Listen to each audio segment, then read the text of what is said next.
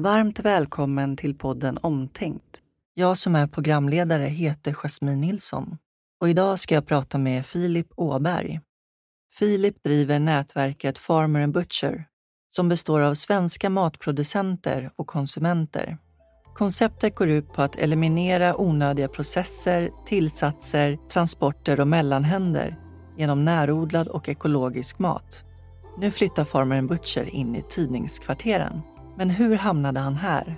Det ska vi ta reda på idag.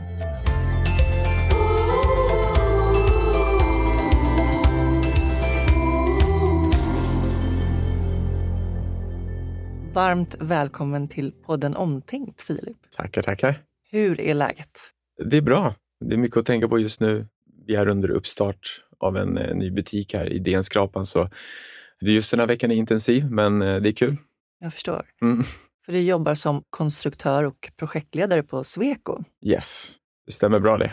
Just nu så sitter vi med tunnelbaneprojekt och eh, Stockholm Vattens reningsverk där det är bygguppföljningsfrågor. Så då um, får vi mycket frågor från entreprenören som vi behöver lösa.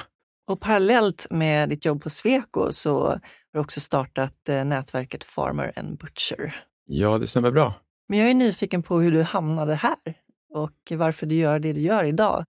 Vart kommer du ifrån? Jag är uppvuxen med en familj med en storebror i Sätra, en förort i södra Stockholm.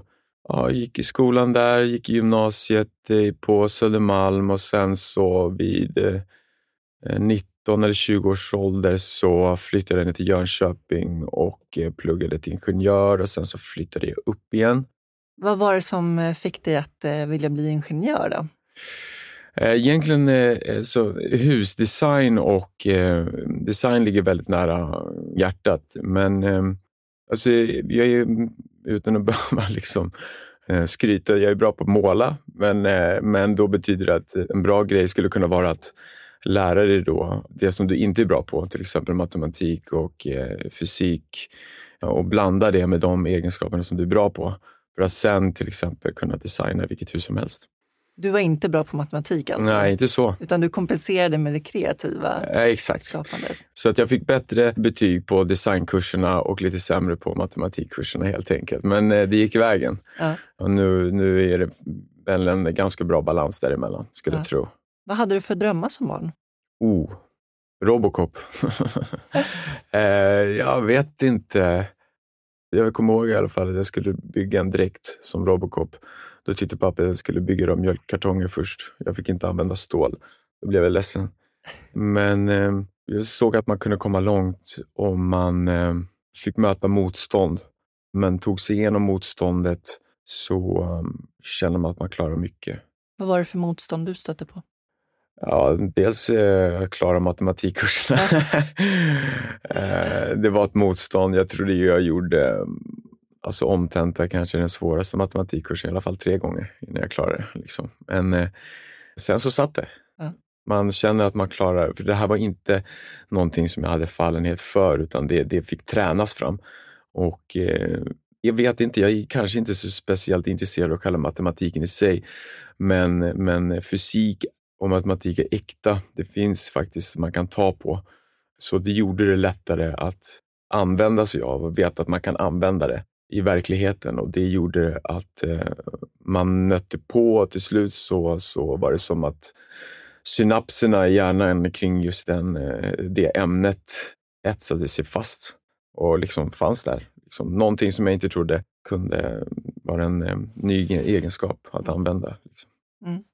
Men vad var det som drev dig ändå till att fortsätta när du fick eh, motstånd?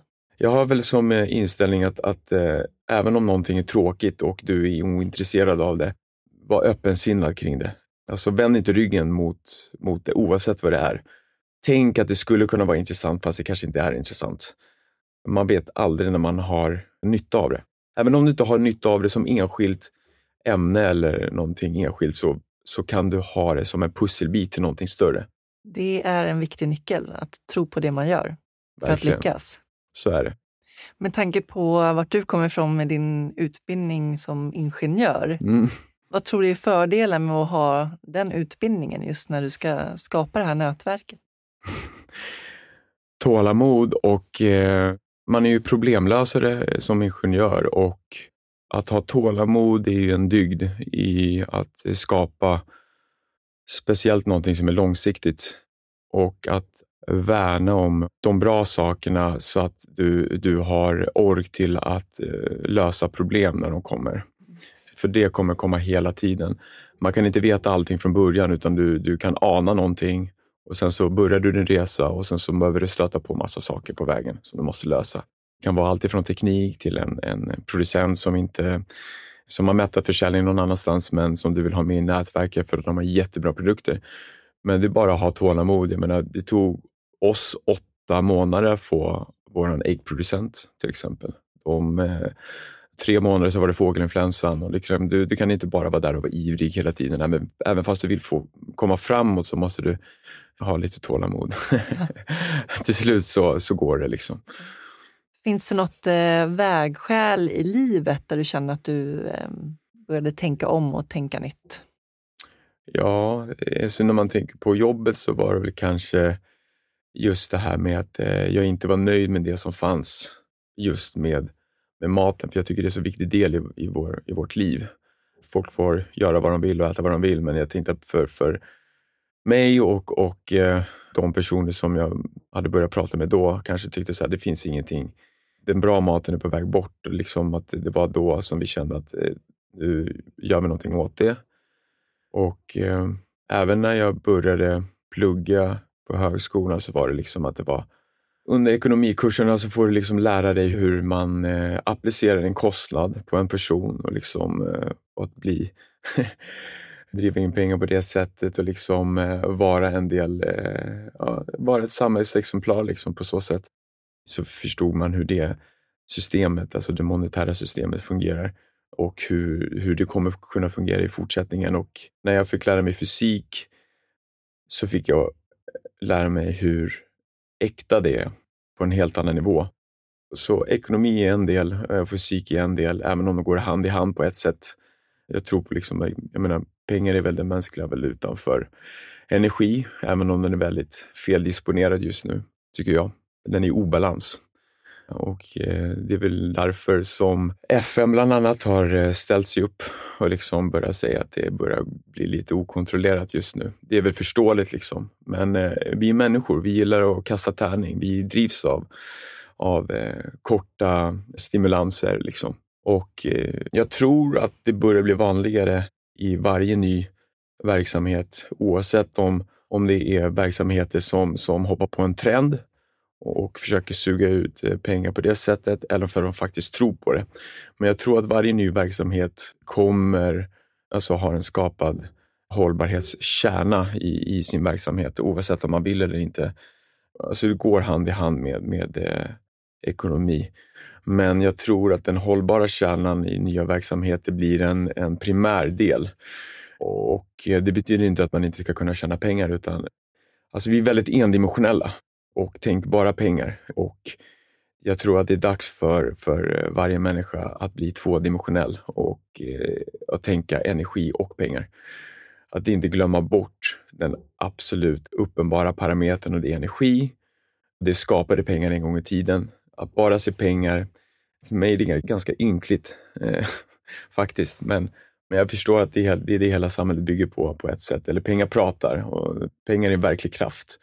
Så det går inte liksom att försumma det, utan man kan använda det. Även om man vill göra en förändring eh, mot en hållbar riktning så, så krävs det att man ser båda parametrarna, både ekonomi och energi. Och jag tror att den som kan energi och kan skapa en, en hållbarhetskärna i verksamheten också kommer kunna tjäna pengar på det. Hur visar du omtänksamhet i din vardag? Att inte armbåga mig framåt. Var ödmjuk. Om du känner att det är någon som utnyttjar ödmjukheten så, så får du lov att slå tillbaka. Men, men gå ut med eh, att vara ödmjuk från början. Jag tror att man tjänar på det. Du är den större personen om, eh, om man går ut ödmjukt. Absolut, jag håller med. Det finns ingen anledning att vara, vara eh, dum eller drabba någon annan med dålig energi om du är självsäker. Jag tror på vad som är verkligt. Jag har människor runt omkring mig som, som älskar mig och som jag älskar tillbaka. Det är väl kärnan i hela min självsäkerhet kanske. Och nu när jobbet tar väldigt mycket tid så gäller det att vara varsam med, med den kärnan. Så att jag tror även på att det är bara de, endast de, de, de närstående som kanske mamma och pappa, eh, storebror, flickvän, de nära kompisar som, som faktiskt säger vad de tycker. Och det gör de för att de älskar dig. Men annars så tror jag att mycket är av eh, egoistisk baktanke. Och jag är säkert likadan själv mot de som inte jag har bundit mig med. Så att, eh, annars är det ganska ytligt och liksom folk vill säga någonting för att hjälpa dig, men, men tänk ett steg längre för att, för att det kan vara av egoistiska skäl. Det kan vara för att de kanske vill visa att vad de kan och visa det. Och det är, inget, det är inget fel med det, men eh, hjälper det dig i din business? Nej, kanske inte. Men om storbror säger någonting, ja, lyssna på det då. Exakt. Ja. Jo, men det, det där är intressant just det här kring varför man hjälper. För att intentionerna att hjälpa är så mm. olika. Ja, verkligen. Och det har jättestor betydelse i hur man tar emot den hjälpen. Ja, jag håller med. Men jag förstår det som att det har varit väldigt tufft också i och med att du har skapat det här äh, nätverket parallellt då med, med ditt ordinarie jobb. Kan du berätta om den resan? Liksom? Från din idé till att försöka hitta lösning till att snart flytta in i DN-skrapan med Farmer and Butcher. Jag är väldigt intresserad av mat och ekologi och eh, när man gick i en vanlig matbutik så var det svårt att hitta bra produkter. Då började jag hjälpa ett, ett företag som heter Min Farm som eh, håller på med ungefär samma sak som vi gör just nu. Fast eh, då var det kanske en, en version, en betaversion av det som vi håller på med nu. De ville också låta sina producenter i nätverket sälja direkt till kunder, men det blev inte riktigt hållbart för producenterna att åka hem till varje kund. Så det var någonting som behövde förbättras och förfinas. Men när jag hjälpte dem med eh, utlämningsplatser i Stockholm som skulle kunna förbättra möjligheten av distribution så lärde jag känna många av de här producenterna och när, när det här företaget som jag hjälpte valde att byta riktning så startade vi helt enkelt Farm Butcher med tankar och eh, idéer från producenterna hur vi skulle kunna sälja direkt till slutkund. Och eh, med tiden så har det vuxit fram till att vi tror att ett, ett bra instrument är att ha en bra plattform i molnet och en bra plats på marken. När de är i symbios med varandra så tror jag, och det här kan se olika ut på olika platser, men när de är i symbios på den platsen så um, kommer det kunna fungera. Men, men ehm, jag vet att eh, rent ekonomiskt var det tufft. Jag hade inte så mycket pengar men la allting på, på den här plattformen och utan att veta egentligen vad den skulle kunna bidra med. Men jag chansade i hopp om att den skulle kunna bli upptäckt. Men, men har du ingenting att visa så minskar ju chanserna att bli upptäckt. Så att jag tog mina pengar och försökte skapa den här plattformen och har du en, en begränsad summa med pengar så får du bara en, en produkt. Har du mer pengar så blir, blir produkten utformad på ett bättre sätt och så vidare. Så det blir väldigt begränsat i produkten. Men det gjorde i alla fall att jag hade någonting att visa upp för producenten att här kan du lägga till dina varor. Här kan du skriva in ditt pris. Här kan du skriva om din vara och när du trycker på uppdatera så kommer den här till försäljning. Och när den sista varan är såld, ja, då försvinner den för kunden att se. Och bara de orden gör det väldigt svårt för en producent att visualisera. Så vi började bygga upp det och när de fick se hur det såg ut, då började de förstå att ah, okej, okay, nu förstår vi hur du menar. Och då börjar nätverket av producenter växa. Men sen så tar pengarna slut och du har någonting att visa upp.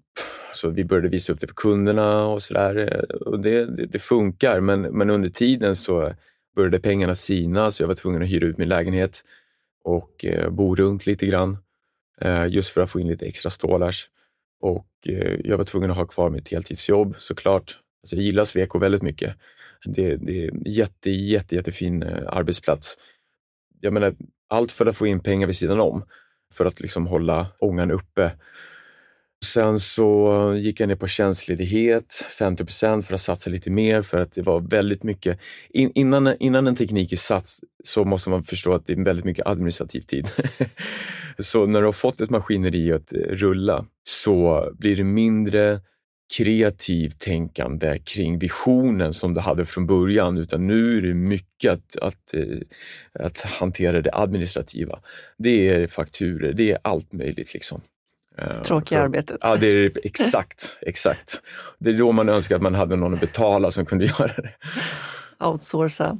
Precis. Ja, ja jag fattar. Så det, men det har varit en, en, eh, en berg och dalbana. Och det jobbiga är ju också att de här äh, personerna som, som finns runt omkring som man älskar blir påverkade på ett eller annat sätt. Eh, du är inte riktigt närvarande. Nej. Man kan inte vara på flera ställen samtidigt. Nej, det är svårt. Det handlar så mycket om vilja. Vill man ja. någonting och ser ett problem som du gjorde så krävs det en förändring för att hitta lösningen på problemet. Ja, man är tvungen ofta att tänka om. Jag menar när vi började så byggde plattformen så hade jag ju observerat eh, eh, producenternas vilja under en lång tid. Suttit tyst och, och liksom lyssnat på vad de vill och, och kommit fram till, till en plattform som skulle kunna gynna dem. Jag menar producenternas vilja är ju bara en bråkdel av, av eh, vad, som, vad som komma skall. När vi hade den plattformen och liksom tillgodosett producenternas vilja så, så var det ju dags för vad vill kunderna? Och sen när du har de två viljorna så ska du liksom försöka skapa eh, tekniken emellan det. Ja, det är sant som du säger. Vill man någonting väldigt mycket och verkligen menar det, då, då tror jag att det är svårt att misslyckas om man inte ger upp. Mm. Det är klart att det kommer alltid kunna komma saker och ting på vägen. Och jag menar, nu har jag kanske fortfarande inte kommit någon vart på så sätt att, att det liksom varit uppmärksammat eller blivit erkänt på något sätt. Det är, det är inte liksom vad jag är ute efter heller. Det är bara så här att, att du kommer stöta på problem som du inte vet kommer och, och när den kommer så får man välja vad man vill göra med det. Liksom. Mm. Och ibland är det svårt och många kan bli påverkade på vägen, inte bara jag själv. Mm. Men hur ser målsättningen ut nu? Hur ser framtiden ut?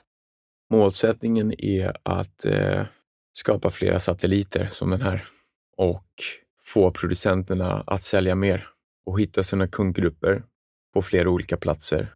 Försöka skapa det perfekta instrumentet som består av den perfekta plattformen i molnet och den perfekta platsen på marken.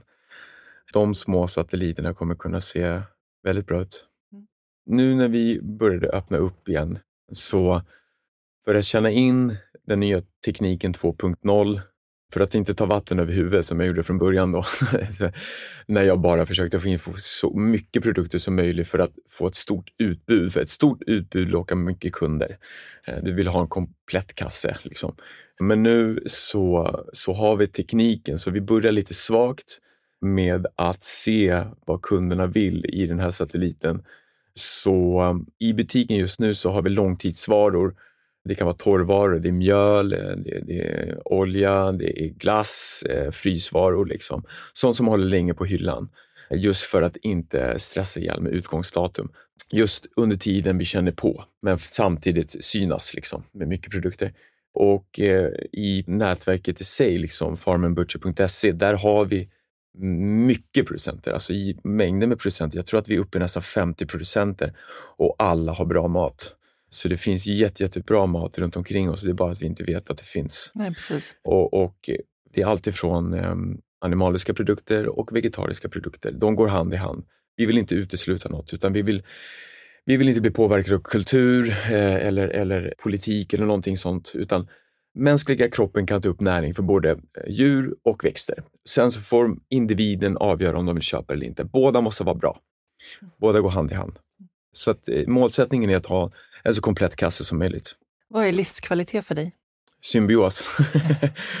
det är en, en eh, det, jag vet inte, det kanske är väldigt utopiskt att, att uttrycka sig så, men, men en balans mellan motgångar och framgångar. Ja, jag kan bli taggad av motgångar samtidigt som jag kan bli destruktiv av dem.